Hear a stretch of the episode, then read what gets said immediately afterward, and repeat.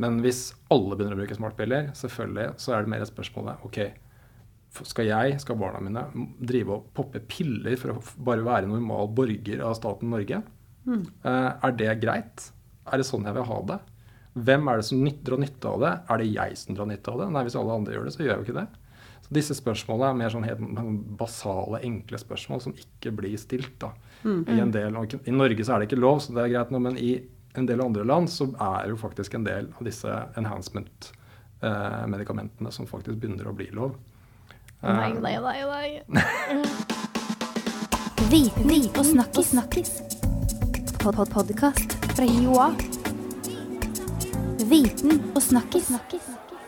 Velkommen til en ny episode av Viten pluss snakkis. Podkasten som gir deg svar på det du lurer på på livets vei mellom etikk og transhumanisme. Jeg heter Anniken Næss Iversen, og medprogramleder i dag er deg, Katrine Sisler. Du har tatt turen over campus og medbrakt deg en stykk filosof og en pilleske. Velkommen. Jeg har med meg filosof og pilleske. Tusen takk. Jeg tenkte kanskje jeg skulle tilby deg en pille, sånn til å begynne med.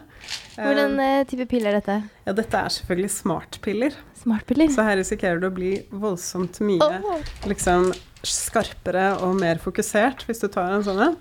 Ja, det De ligner mistenkelig på knott, akkurat de her, men det er eh, helt tilfeldig. Det er helt tilfeldig. De har voldsomt stor placeboeffekt. Mm, um, gleder meg. Ja, grunnen til at jeg hadde med det, var jo litt at, uh, at det vi skal snakke om i dag, uh, handler om bl.a. smartpiller. Mm. Ulike teknologiske nyvinninger som, som uh, bidrar til å eh, skjerpe mennesker og gjøre, gjøre, at hjernen fungerer bedre. Mm. Eh, det er en del av det denne forskeren jeg også tok med, har eh, sett litt på.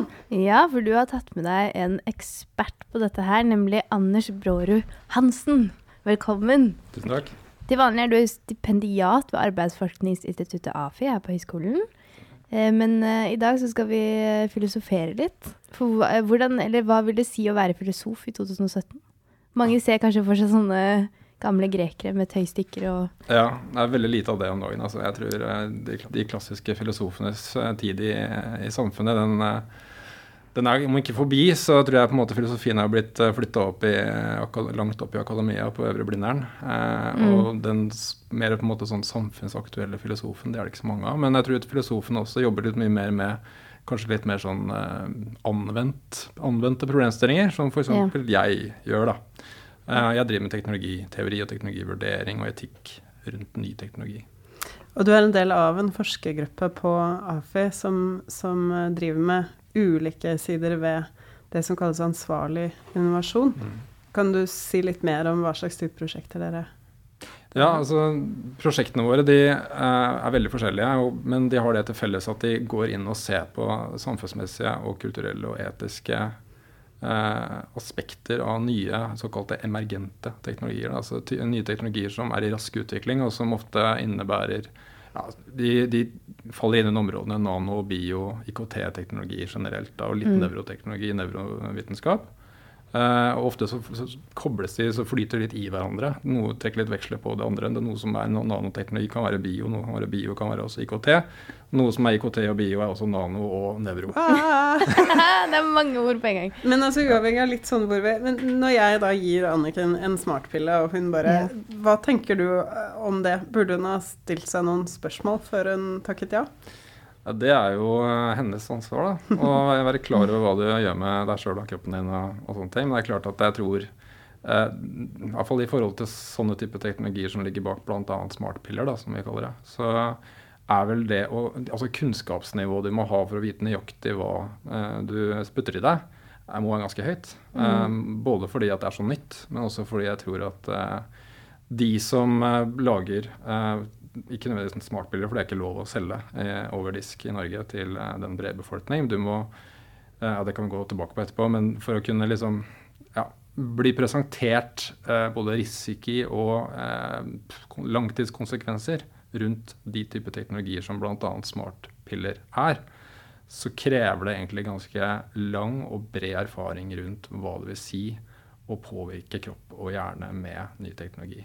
Og det er det ikke engang ekspertene som utvikler det, som har en sånn fullstendig oversikt over. Men de sier at de har det, de sier at det er trygt, og de sier at det er relativt safe. da. Uh, men det er, det strides til lærde. Jeg tror at uh, vi kommer ikke til å se langtidseffekten av bruk av en god del ny teknologi før om mange år. Så du er liksom på, på denne teknologifesten vi jo lever i i dag, så er du han litt kjipe festbremsen. Litt, som litt liksom, festbrems.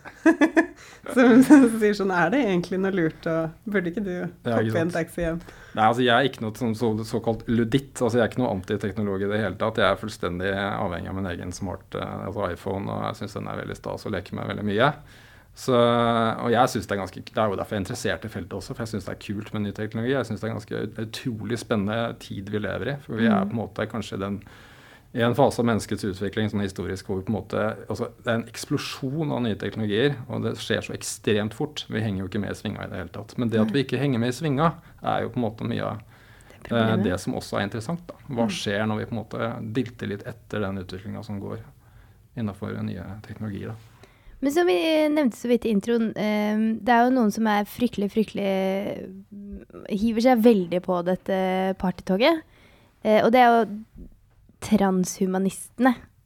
Hva er egentlig en tra hva er transhumanisme? Vi har hørt ordet veldig mange ganger, men altså det, det, var et begrep som ble eh, måte kom inn i, på 50-tallet, tror jeg. Jeg husker ikke nødvendigvis hva han Jeg tror Andrews, jeg husker ikke hvilken filosof som eh, etablerte begrepet. Men i kort eh, form da, så er transhumanisme egentlig en form for, om ikke nødvendigvis en filosofi, så nesten en form for ideologi ja. som eh, argumenterer for at eh, det er på en måte eller humanismens mandat, da, eller menneskets mm. mandat, å kunne ta ansvar for sin egen, sitt eget liv, sin egen framtid. Og gjennom teknologi så kan vi på en måte forbedre vårt lodd i livet. Og vi kan også overskride grensene for hva som før ble antatt for å være skillet mellom det naturlige og det kunstige. Vi kan bruke teknologi til å på en måte overskride eller transcendere, da, der kommer ordet trans fra, eh, overskride de naturgitte begrensningene. Enten liksom, bevissthetsmessig, nevrologisk, biologisk. Mm. Eh, enn det som er på en måte gitt oss av naturen. da. Så, så mye av kjernen i transhumanismen handler om at sant, de, de såkalt naturgitte begrensningene i forhold til eh, den genetikken du er født med, eh, den hjernen du er født med, og en del sånne ting, det kan gjennom ny teknologi overskrides. Og det er også et valg vi på en måte, et ansvar vi har, og et mulighet vi har, som vi på en måte må gripe. Dette for å på en måte nå det i anførselstegn potensialet som mennesker har. Mm. Men hvor i samfunnet finner vi de som virkelig på en måte brenner for eh, denne tankegangen? Nei, Det tror jeg du finner mange steder. Men jeg tror sant, de der hardcore, eksplisitte, uttalte transhumanistene er det veldig få av. Eh, og, og, det er mye bra i tankegodset til transhumanismen også. Det, det, det, er på en måte kanskje mer et, en konsekvens eller et symptom på at man ser på en måte, Man filosoferer eller teoretiserer rundt mulighetene mennesker har med ny teknologi. Mens det er klart at en del av den utviklinga som i hvert fall til en viss grad vi ser i, i Vesten i dag, og særlig i USA, men litt også i Europa, det er at eh, pådriverne, de som på en måte er premissleverandørene for ny teknologi, de også har islett av det jeg kan kalle transhumanisme i sitt tankegods, da, som også er med å påvirke hvor de på en måte ønsker å drive utviklinga av den nye teknologien som kommer. Mm. Så de som sitter i Silicon Valley og pumper ja. ut nye oppfinnelser, de er litt av denne oppfatningen? Er det det vi ja, altså om de ikke er det eksplisitt, eller om de kanskje ikke engang vet hva transhumanisme er. Noen av de selvfølgelig er godt utdanna og vet uh, veldig godt hva det er. Andre de har på en måte bare blitt måte, mata inn med tankegods og en del holdninger som på en måte mm, preger den, det paradigmet de på en måte opererer i, som jeg tror handler om i kortform at de ser at teknologi kan hacke på en måte de på en måte naturgitte begrensningene som mennesket har. Og de ser på en del av de måte, begrensningene som f.eks. aldring og sykdom som et teknisk problem ja. som kan løses. Du får en fiks, og så kan du løse problemet. Det er bare snakk om tid, og så har vi løst det. Og For å bruke et eksempel som jeg liker å referere til, så er det en amerikansk sånn, kjent investor som heter Peter Thiel, som også var med og starta opp en hel masse eh, sosiale mediebedrifter, bl.a. Facebook, tror jeg, eh, som han var litt tidlig inne i, som er en veldig sånn tydelig og kjent figur i Silicon Valley-miljøet. og han hører veldig mange på. Uh, og han sier eksplisitt det at han ser på jo, hvor er, hva er jeg interessert i å jobbe med videre nå i framtida. Jo, jeg ser på aldring hvis jeg har lyst til å gå inn på aldring. Um, aldring det er et problem. Et biologisk problem som kan løses. Og han sier på en måte det at 'jeg vil leve evig'. Det er, min, det er mitt, mitt, ønske. Og det er ingen som på en måte sier sånn 'what'? Hva skjer? Det, det, det er ingen som, det, Han får ikke noe sånn stor motbør. Nei. Det er vel kanskje mer den fraværet av motbøren jeg syns liksom er interessant. da. Ja, men du, Katrin, du sendte meg navnet på en amerikansk statsviter, økonom og forfatter, Francis eh, Fukuyama, som hadde kåret transhumanisme til en av verdens farligste ideer i 2004 allerede. Hvorfor gjorde han det? Hva er det som er så farlig? Det virker jo, I mine øyne virker det sånn ja, jeg kan jo på en måte se det greia, det hadde vært kult å leve lenge og Hvorfor er det så farlig? Nei, altså, eh, Jeg tror kanskje det er ment litt polemisk, eh, men jeg tror, jeg, kan, jeg tror, nok han mener det. Altså, det er Francis Fukuyama jeg tror det refererer til. og Han, mm. han var den eh, han er om jeg er historiker eller filosof, er jeg faktisk ikke helt sikker på. Men han, eh, han mente jo at uh, transmanismen har et form for ideologisk tankegods i seg som er farlig for nettopp fordi at veldig mange av de usikkerhetene og kanskje risikoene og også de etiske konsekvensene av et sånt tankegods blir ikke tatt med inn i betraktning når man driver utviklinga inn. Ja. Nettopp det du sier med Silicon Valley, at man bare pumper ut. Ja, man, ser ikke, man, ser ikke, de uintenderte konsekvensene av den utviklinga. Man ser ikke hva det gjør med samfunnet, man ser ikke hva det gjør med oss selv. Og veldig mye av det etter hans mening, og det tror jeg veldig mange er enig i, eh, det er at eh, det er en del av de, den utviklingen som kanskje i hvert fall er litt vanskelig å reversere. Om man først åpner Pandoras eske, så er det vanskelig å putte den tilbake igjen. på en måte, Putte mm. lokket på. Men du har snakket litt um, tidligere om at um, vi er ikke så veldig bevisste at all ny teknologi har på en måte noen iboende verdivalg eh, eh, bak seg. Kan du si litt mer om det? Fordi jeg tenker at det, det er ikke sånn jeg tenker så voldsomt mye over. At den nye appen liksom, det, det, ligger noen, noen, etiske avgjørelser og noen etiske vurderinger litt sånn implisitt eh, mellom eh. Ja, eller kanskje mer ved det er et veldig veldig komplisert spørsmål å si at, man, at, at, ny teknologi har verdier i seg. Men jeg tror at det må man, for å gå til liksom, ta to skritt tilbake, så, så innenfor filosofi, etikk, samfunnsforskning og vitenskapsteori så er man alltid på en måte etter hvert da, blitt klar over at uh, alle teorier, alle naturvitenskapelige teorier også, har, har en form for et, et normsett. eller en, det, det, er aldri nøytralt, det er aldri rene data du sitter med, det er alltid interessert. Det er alltid en teoriavhengighet der, og teoriene også har visse antakelser om verden, om hvordan verden er. Mm. Om, om, det som vi kaller for ontologi. da? Altså, Hvordan ser verden ut? Hva er, det, hva er forskjellen på det naturlige og det ikke-naturlige? Det er spørsmål som handler om ontologi. Og, og, i tillegg til det så kommer det en del eh, andre kan kalle det for drivere som utvikler både forskning og vitenskap og teknologi. Da. Eh, og det handler mer spesifikt om hva slags syn vi har på hva kan man forandre, hva kan man ikke forandre. Eh, og kanskje også mm, en form for uh, ubevisst eller bevisst uh, ønske om å skyve ansvaret på rundt etikk og samfunnsmessige konsekvenser på andre enn de som utvikler teknologien. Sånn at vi, bare, vi, er bare teknikere. Vi bare lager denne greia her. Så er det opp til regulative myndigheter eller politikere eller vet ikke jeg. Eh, de som måler forurensning i lufta, whatever. ikke sant? Vi lager bare bilene, vi lager bare, ikke sant? Vi lager bare vaskemidlene. Dere får regulere dette her. Vi har ingenting med dette å gjøre. Det er ikke vårt ansvar. Men i forhold til ny såkalt emergent teknologi, så ligger på en måte veldig mye av disse konsekvensene så dypt i selve teknologien at det er vanskelig å ikke få umiddelbare samfunnsmessige konsekvenser som egentlig disse forskerne burde være klar over, eller i hvert fall ville dra nytte av å bli klar over. da. Men på toppen av det så tenker jeg også at, og det er kanskje det du vil fram til, så ligger veldig mange av disse produktene, eller nye teknologiene, er jo drevet fram av en form for nyliberalistisk markedstankegang også. Mm. Det er ikke bare at de på en måte er sånn rene produkter som du kan bare ta et valg om å kjøpe eller ikke kjøpe, men dette er bare et sånt et tilbud til deg, og så kan du se hvordan dette fungerer. på en måte. Veldig mye av det er laga på å eh, en del av de produktene som på en måte er basert på emergent-teknologi, bl.a. smarttelefonen vår eller mm, VR-briller eller hva som helst, de har en Om ikke de er intendert å gjøre oss litt avhengige, så, så ønsker de å gjøre produktet så i anførselstegn, sexy at du vil ha mer. Og, og det er en form for, om ikke uttalt verdiståsted, så er det i hvert fall et implisitt verdiståsted. Og du ser det mer og mer i veldig mange av de produktene som vi faktisk bruker daglig. F.eks. hvor besnærende er det ikke å sitte og spille Candy Crush. Selvfølgelig kan man bli hooka på det. Men det en, altså, om ikke alle teknologier har liksom Candy Crush-effekten på deg, så gir det deg en liten fiks. Ja, det er veldig sant. Det stimulerer liksom den uh, dopaminproduksjonen oppi hodet. Gjør det. Mm, ja. Mm. Men betyr det, altså Burde vi liksom ha eh, regelverk, da? Burde vi ha begrensninger i uh, Burde liksom Candy Crush komme med en sånn der timer, sånn at etter en time så, så bare poff, går det av. Sorry, Erna Solberg. Da tror jeg det blir ramaskrik. Ja.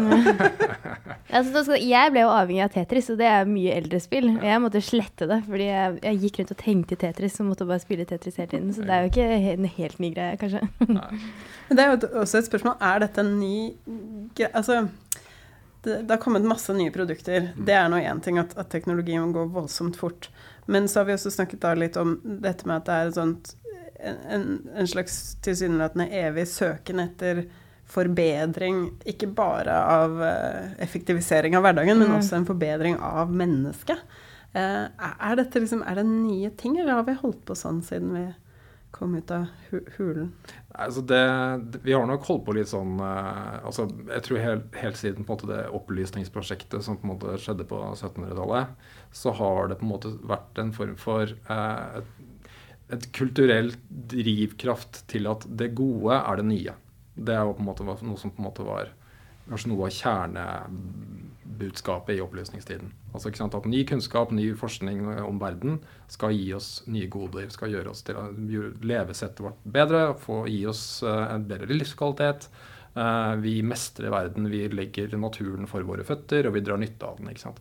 Uh, det er klart at det tankesettet har vært der lenge, men jeg tror det som har skjedd med ny teknologi de siste 20-30 åra, det er at det har på en måte gått opp i en sånn entepotens, hvor du ser at de enorme mulighetene som nanoteknologi, bioteknologi, IKT-teknologi selvfølgelig, men også nevrovitenskap gir oss. Mm. Det, vi forstår veldig mye mer om hvordan hjernen virker. Vi forstår hva vi kan påvirke, og vi forstår hvordan vi kan påvirke det, og vi forstår litt om effekten av det.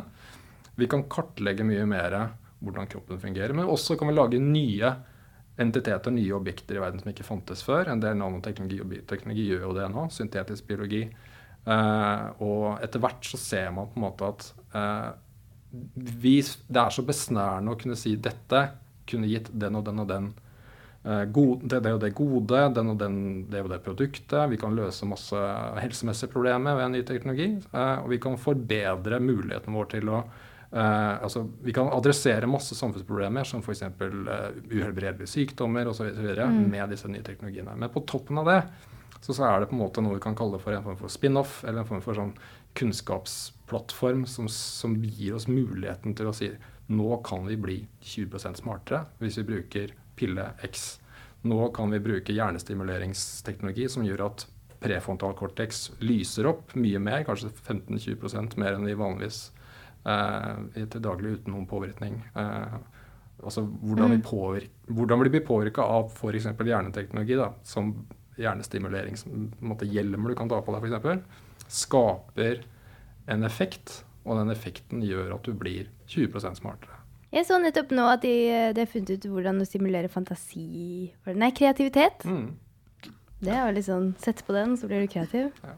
Det, jeg tenker at liksom, En ting er vi da som vokste opp med Tetris uh, og ble helt hekta, men, men uh, hvis du vokser opp i dag, så vokser du jo da opp uh, med Eh, en del av disse tingene som NRK bl.a. har satt litt fokus på gjennom Innafor og, og, en mm. del av disse andre. Altså, jeg tenker at du, du vokser jo opp med eh, en mulighet. Det er ikke bare en sånn tenkt mulighet, det er en reell mulighet. Vi vet jo at, at Oslo-kloakken inneholder masse rester etter eh, en del av mm. disse smartpillene og sånn. Så, så, jeg mener Ritalin, Ritalin i hvert fall. Ja. Men, men jeg tenker at hva gjør det med hvordan unge mennesker ser på sitt eget potensial. Fordi må jo, man må jo på en måte sitte der med en følelse av at shit, jeg kan bli, ja, kan helt bli perfekt. Ja. Eh, mens jeg tror kanskje vi som vokste opp på 80-90-tallet aldri helt hadde den. jeg vet ikke, Det var ikke det jeg ble fora med. Jeg kan ikke huske at jeg var så veldig opptatt av det heller. Altså. Så jeg, jeg, tror ikke du har rett i det. Jeg tror at veldig mye av kanskje det som på en måte er generasjonen perfekt, da, det er kanskje et symptom på et mer sånn større kulturell eh, et sånt form for skifte i, i normsettet rundt uh, hva vi ser oss som. Mm. Uh, og det er klart at det er et veldig stort og komplisert uh, tema, men jeg tror at det som kanskje har forandra siden vi vokste opp Jeg vokste opp på barn på 70-tallet. Og da var det vel kanskje en sånn iboende et, et, et ønske om at forskjellighet er greit. Mm. Ikke sant? At man kunne akseptere folk som de var. Og man kan heller bygge samfunnet rundt den forskjelligheten for å ivareta på en måte, verdi og verdighet rundt at man var den man var. Mens jeg tror at i hvert fall til en viss grad så har det forandra seg til å bli at man skal prøve å løse problemer rundt forskjellighet ved å på en måte optimalisere mulighetene for å bli best mulig eller fungere optimalt eller fungere så godt man kan eh, gjennom bl.a. ny teknologi. Da. Og på toppen mm. av det så tror jeg at det er en del av den måte, de kulturelle strømningene som påvirker unge i dag til å på en måte føle seg pressa til, eller ønske om å være så gode som mulig, prestere så bra som mulig, fordi konkurransesamfunnet vårt har sevet ned i ungdomskulturen. Uh, og jeg tror at veldig mange unge i dag føler at de må, være, de må prestere på toppnivå for å kunne komme dit de vil. Det handler om sosialt press, det handler om veldig mye annet også. Men jeg tror at det er frykten for å falle utafor, det er frykten for å ikke bli sett på som like bra som alle de andre. Mm. Klart at Der kommer også disse nye teknologiene inn og har et etter min mening ganske stort marked. da. Og det er noe som egentlig ikke blir snakka så mye om, om, tror jeg. Til en viss grad så har disse dokumentarprogrammene på NRK satt litt fokus på det, men jeg syns de er eh, overraskende lite kritiske. Ja, det synes jeg også. Ja, og det, det, som kanskje var litt sånn Apropos disse pillene som vi drev og delte ut her i sted. Eh, Anders og, og, jeg fikk også være med litt på å dele ut de på forskningsdagen i høst. Eh, kanskje du kan si litt mer om hva slags reaksjon vi oppdaget? Eh, for, for, her hadde vi jo Vi hadde en stand på Karl Johan mm. eh, hvor vi også hadde VR-briller og sånn. Men det var egentlig liksom Vil du ha en smartpille-spørsmålet? Det ja, det, det, fikk mange til å stusse. Og jeg synes at det som var interessant, var den der første ryggradsrefleksen til veldig mange. fordi der var det en viss Nå sitter jeg ikke med en sånn evidens på, på den spredninga i alder, men de unge mellom kanskje 15 og 25, de bare sånn Ja, det var litt uh, besnærende, men hva, hva, vil du, hva skal du ha av meg, på en måte, når jeg kom og delte, mm. ga de, ga de pilleburken. da. Uh, mens det var, kanskje det mest slående var de, de, de litt sånn godt opp i åra, opp mot pensjonsalder. De var mer sånn Ja, kan, kan småpiller, du. Kan det være noe Er det noe du er det, kan, kan, vi bruke det? De var ikke så opptatt av risikoen med det i det hele tatt. De var ikke veldig opptatt av om, om, dette var noe som var problematisk. De var bare Ja, hva kan dette gjøre for meg? Uh, hvilket jeg for så vidt forstår, da. Uh, men, men, det mest slående, syns jeg, var, var at du så at veldig mange unge de hadde gjort seg noen tanker om det allerede. Mm. Okay, det er bra, da. Ja. Ja, jeg vil si at vi var nesten som sånne svamper for, for den diskusjonen. Og det å liksom bli stilt noen av de spørsmålene sånn OK, er det rettferdig f.eks. at noen La oss si at noen da får tilgang på mm. eh, hjernestimulerende eh, smartpille-type eh, teknologi, mens andre ikke får det. Er det liksom hvis, hvis da halve klassen får ta det før eksamen, mm. uh, og den andre halvparten ikke får det, er det greit? Uh, og de hadde tenkt over dette? Nei, men de ble utrolig interessert. For jeg tror mm. de på en måte oppfatta at dette angår oss. Ja. Uh, disse spørsmålene her må vår generasjon liksom ta stilling til. Ja. Fordi dette er ikke noe som bare skjer på TV. Dette mm. er liksom en del av hverdagen.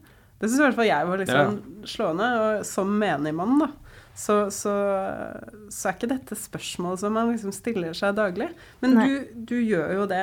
Altså, kan du fortelle litt mer om, eh, om den studien som går på eh, forbedringsteknologi og hjernen, eh, som heter da Human Cognitive Enhancement in Nature?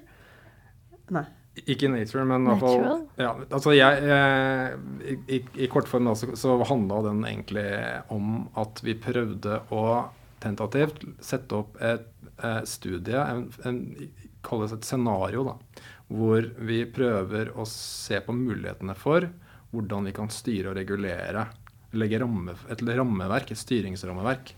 Eh, ikke nødvendigvis bare fra myndighetenes side, men fra ulike beslutningstagere i samfunnet rundt disse ulike nye teknologiene. Og Vi fokuserte vel spesielt på smartpiller, men også på mange andre teknologier, sånn som hjernestimuleringsteknologi eller eller VR-briller eller Google Glass, som også for så vidt er en form for eh, kognitiv forbedringsteknologi. Da. Mm. Um, det er mange andre også som vi ser på. Men det er sikkert hundrevis av forskjellige sånne teknologier der ute som vi kunne, som vi kunne brukt som eksempler. Vi fokuserte på bare noen få. Uh, men det vi ser på, er med spørsmålet er det et behov for styring og regulering. Hva slags beslutninger skal de som sitter og styrer og regulerer, ta? På, på hvilket grunnlag? Uh, og det vi på en måte kanskje konkluderte med, var vel mer at det er definitivt et stort kunnskapsgap der blant de som sitter og styrer og regulerer. Myndigheter. Ja. Um, alt fra på en måte ja, Konkurransetilsynet, altså hva som helst som på en måte skal sitte, gå inn og ta avgjørelser i forhold til hvordan et produkt skal reguleres. Kanskje det kommer en ny VR-teknologi nå som er spesialtilpasset for barn. Der er det masse en måte, usikkerhet og mangel på kunnskap rundt langtidseffektene av eksponering i VR for en ung hjerne i rask utvikling. ikke sant? Mm. Eh, har vi behov for ny forskning? Har vi behov for at det kommer produktmerking? Eh, det er bare ett eksempel da, som egentlig på en måte er kanskje litt på siden, men det hovedfokuset vårt er på en måte mer å si hva slags type etiske risiko altså etiske vurderinger og risikovurderinger må vi legge inn i en sånn beslutningsprosess for at vi kanskje får en mye mer, et, et bedre og mer balansert eh, rammeverk rundt disse nye teknologiene. For det er et behov for det. Men om det, det skal skreddersys hver enkelt teknologi, om det kan være noen fellesnevnere, det er på en måte et åpent spørsmål. Hm. Men dette med VR-briller, jeg går litt inn på det fordi du nevnte det så vidt før vi kom hit i dag. For det har ikke jeg tenkt på i det hele tatt, og det regner jeg med at det er kanskje mange andre som heller ikke har tenkt på. Med VR-briller og barn. Ja, jeg tror kanskje jeg nevnte et eksempel fra, fra denne samme bua på Karl Johan, mm. hvor, eh, hvor, eh, vi hadde satt opp eh, Apollo 13, romferd. Som jo var mange, på mange måter ganske uskyldig, men hvor det var en, en, far som hadde med et barn, og, og lot barnet eh, prøve VR-briller. Og jeg husker så godt å se på han at han virkelig sleit med å skjønne at det ikke var hans egen arm mm. som han så i disse VR-brillene. Og han liksom tok, tok, på armen sin og sjekket om den var Og ble veldig sånn forvirra. Uh, og på en eller annen merkelig måte så var det noe litt sånn tankevekkende og hjerteskjærende ved ja. den, uh, lille, det lille øyeblikket der. Um, han ble jo ikke redd eller noe sånt, men jeg, jeg, jeg tenkte at det var et sånt godt eksempel på uh, at barn kanskje ikke helt skjønner forskjellen på virkelighet og mm. fantasi. Og VR befinner seg jo et eller annet sted ja. midt imellom. Mm. Så selv vi skjønner jo ikke Nei. helt det. Men du kan jo si litt mer om ut Altså barn og ja. og hjerner? Ja, det, det, er bare ett av veldig veldig mange usikkerhetsmomenter ved bl.a. VR. Da. Eh, fordi alle, eller veldig veldig mange nå er jo klar over at du blir ganske uvel etter hvert. Eller mange blir uvel etter ca. 20 minutter når de har blitt eksponert ja. i VR. Eh, og eh, det i ulik grad, da. Noen blir veldig kvalme, noen blir bare litt, sånn, litt, litt svimle. Det er på en måte en effekt som de ser av veldig mange nye VR-teknologier. Det tror jeg det man jobber ganske hardt med å prøve å motvirke. da. Eh, men i tillegg til det så ser man også at det er veldig stor forskjell på, på måte, hvordan du liksom, kognitivt og nevrologisk eh, responderer på å bli eksponert for, eh, for et VR-miljø når du har en voksenhjerne og når du har en barnehjerne.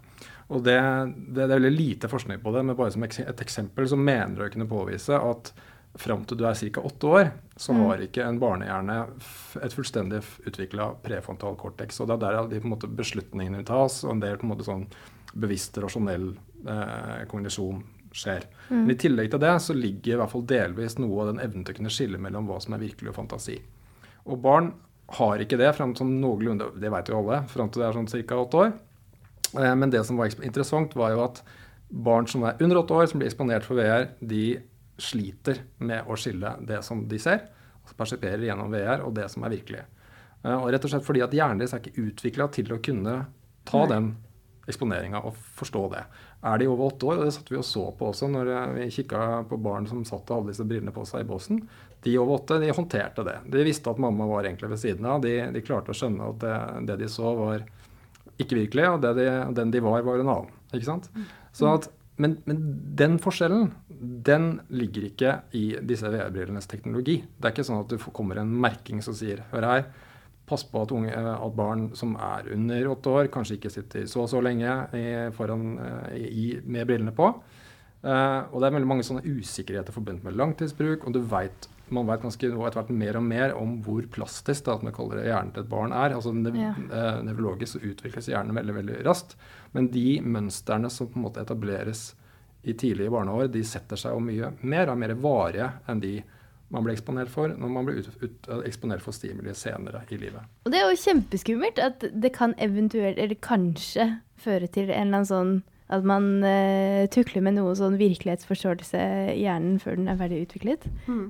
Men, men, det som jo da ble uh, utrolig slående akkurat i den settingen i denne boden på forskningsdagene, det var at jeg tror flere av oss stressa nesten mer med at vi at vi tillot oss å dele ut knott som inneholder sukker, til liksom skole og ungdom. Oh, ja. Mens VR, det var liksom det var ingen som stilte problem. Jo, men det, det, er jo det. Er Sukker er jo den sånn- nye djevelen, det. Ja, åpenbart. Og, men det, det, er et annet uh, interessant uh, å få bruke denne, den uh, Forskningstorget-båsen som eksempel igjen. så så vi på en måte også at vi stilte en del, vi hadde en del etiske spørsmål vi stilte på et sånt spørreskjema som veldig veldig mange svarte på. De syntes det var kjempestas. Jeg ble egentlig ganske sjokkert over hvor gøy da utgangspunktet barn eh, syntes det var. Og svare på et, et spørreskjema om etikk.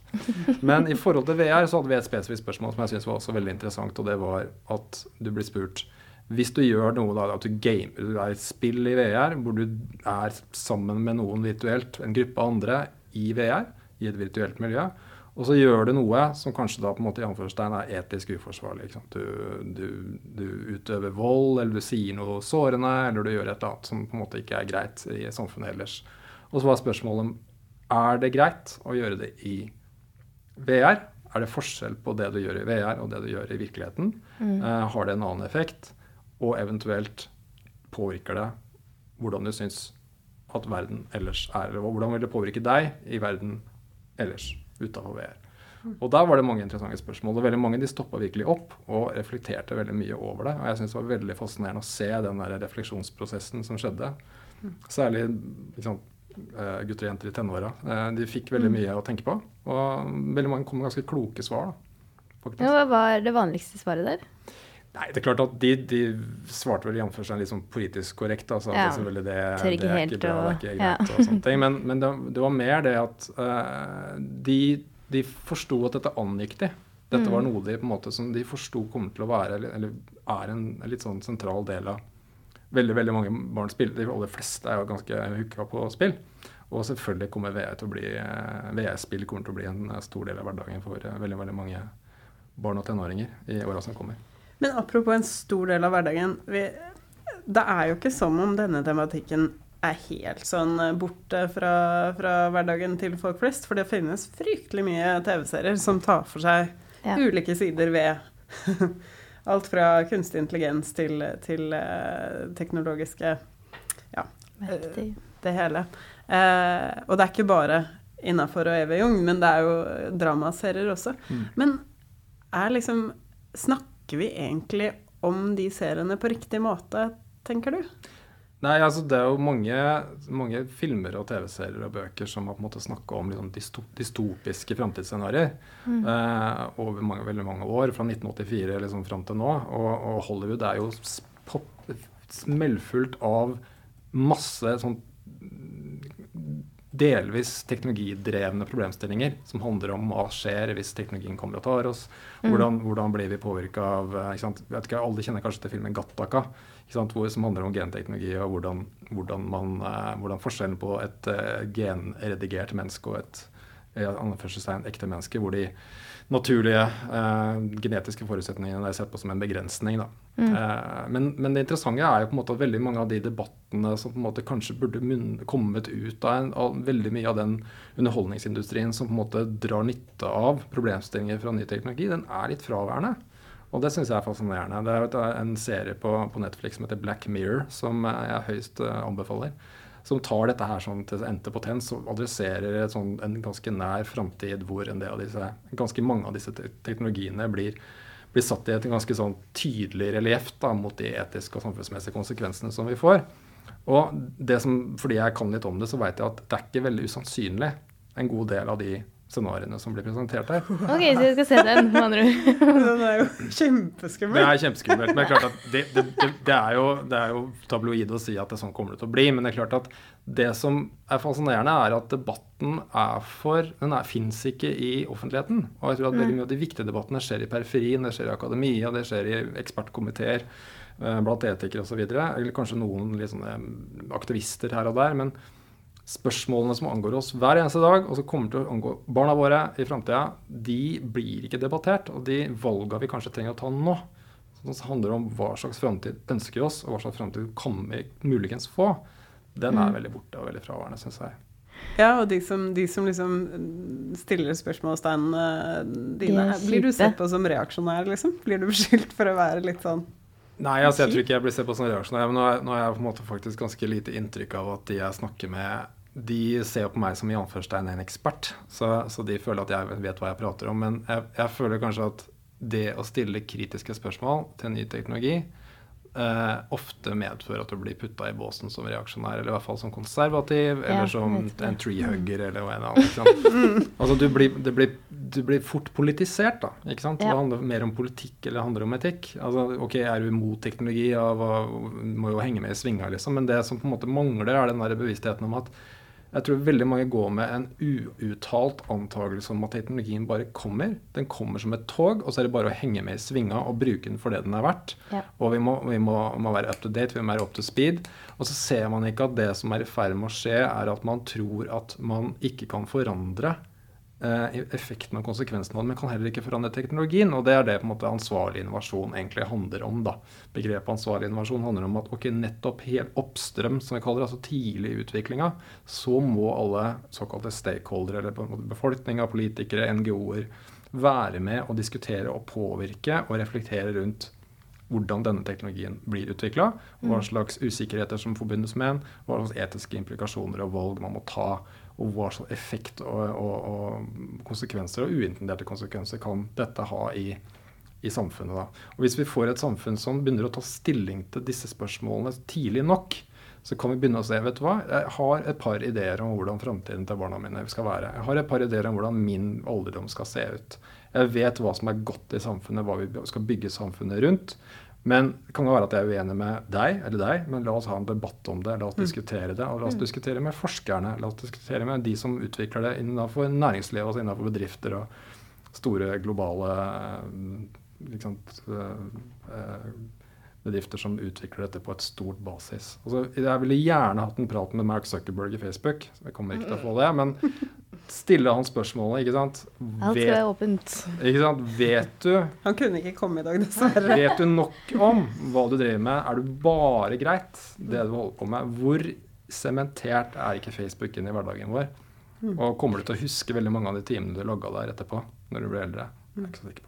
Facebook skrev meg. Men nå er vi så vidt inne på dette med fremtiden. Eller vi har egentlig pratet om fremtiden. Men kan vi ikke prøve, hvis utviklingen fortsetter sånn som det er nå, at ikke vi har en uh, god debatt uh, rundt etikk, eh, hvordan tror vi det ser ut om 50-100 år? Har vi alle sånn smartpiller, VR-briller, bare løper rundt og er superhumans? Altså, det beste måten å kunne svare på det på, er mer å stille seg sjøl et for hypotetisk spørsmål. ikke sant? Du kan, stille, du kan prøve å se deg sjøl eh, i framtiden om fem eller ti år. Mm. Og så kan du si OK, så kommer jeg, jeg står opp om morgenen.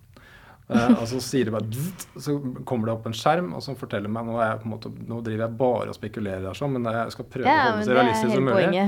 Som, som, gir deg alle metriksene på hvordan søvnen din har vært, uh, uh, når du skal stå opp, hvem du skal snakke med, og, og, hva du må gjøre her og nå. Uh, det gir deg noen markører på blodtrykk osv. Så, videre. så må du passe på vet du hva, hvis uh, denne informasjonen blir sendt til rett arbeidsgiver, som på en måte monitorerer hvordan du skal uh, jobbe optimalt. sånn at hvis den da gir en indikasjon på at du kanskje er i toppform, så må du gjøre noe på bakgrunn av kontrakten du har skrevet med arbeidsgiveren din. yes. Og så i tillegg til når du kommer på jobben, så må du ta på deg noe som ligner på Google Glass, som gir deg masse augmented reality-informasjon, som du også i tillegg til det blir overvåka av HR-avdelingen på bedriften din, som sitter og ser hvordan du jobber, hva du ser på på skjermen, hvor mye tid du logger av, hva du driver med, hvilke telefonsamtaler du tar og så videre, Og så og når du går, uh, går, av jobb, så skal du på treningssenteret, og der går du inn og så plugger du inn uh, smarttelefonen din i en tredemølle, og som uh, overvåker hvordan du trener osv. og Så, så nå, nå, lager jeg bare et sånt veldig sånn outrert eksempel Herregud, på, gitt, på, på, på, på, et, på et gitt framtidsscenario som ikke er helt urealistisk. Det er mye tellekanter. Mye ja. tellekanter, og uten å på en måte slå fast at det er den retningen det går, så kan man bare begynne å si at tendensene til det, tendensene til å måle og overvåke og optimalisere og tweake og hacke, ligger så mye latent allerede nå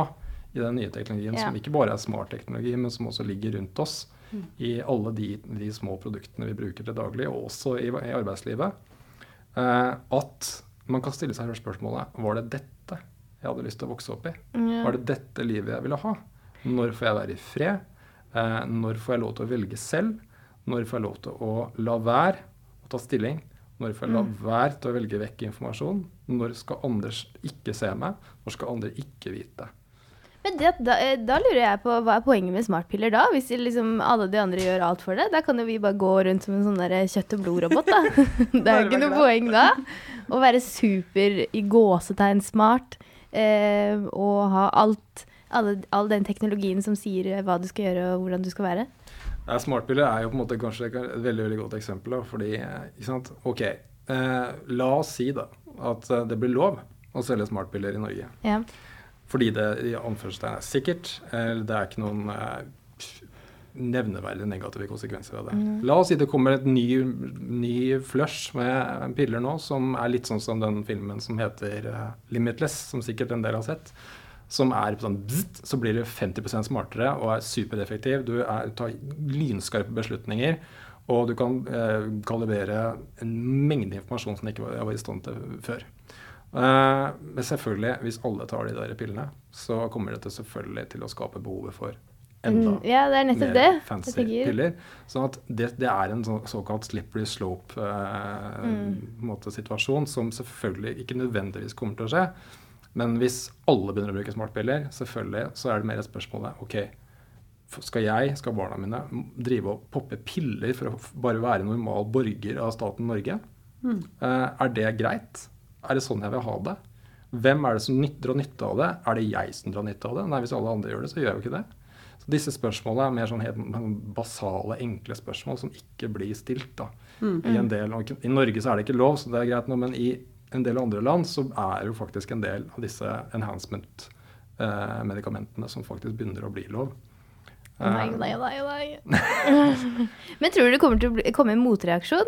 Eh, eller er dette såpass sånn innebygd i, vår, eh, i, vårt samfunn nå at det liksom ikke er Det blir liksom ikke en hippiebevegelse snart? Da ble jeg, det er vanskelig å være profet på det området. Men det er klart at alle alle sånne utviklinger, hvis de går til et ekstremt eh, punkt, så vil det komme en for, få motreaksjon. Ja. Eh, når det gjelder på en måte forbedringsteknologi, så tror jeg på en måte også at vi, vi er vel sikkert sånn eh, lagd at vi, det er ekstremt om ikke fristende, så er det i hvert fall ekstremt motiverende å tenke at du blir gitt muligheten til å kunne mm. optimalisere og forbedre din egen prestasjon, din egen intelligens, din egen evne til å kunne forvalte informasjon i en arbeidssituasjon eller når som helst, eller hvis du driver med idrett, hva vet jeg. Så det er klart at det, det behovet vil alltid være der. Men om det kommer en sånn folkebevegelse, det kommer en ny sånn 68-opprør som sier nå vil vi av toget, nå har det gått for langt.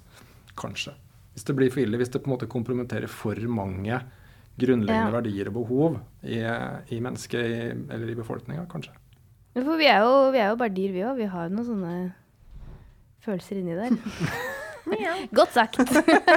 jeg er ikke filosof, da, for å si det sånn. Men, um, ikke jeg heller. Det, men jeg, jeg, tenker at det er jo kanskje der Det er dere som kan være redninga vår. Ja. Det er at hvis vi klarer å koble liksom en sånn eh, litt sånn spørsmålsstillende type sammen med hver av disse kanskje ikke helt risikoseende eh, teknologene, så kan det liksom hende at vi ikke trenger å komme helt dit ja. uten Jeg håper det motstand. Mm.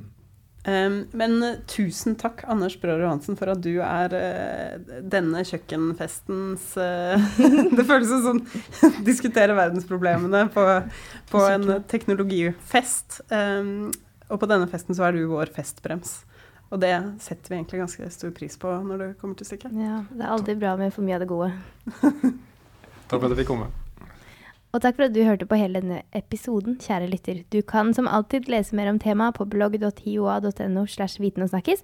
Og husk at du også kan abonnere i din podkastspiller, gi oss en ønske mengde med stjerner i iTunes, og spre ordet til en god venn eller en fiende. Ha det bra. Viten og snakkis. snakkis. Pod -pod Podkast fra Joa. Viten og snakkis. snakkis.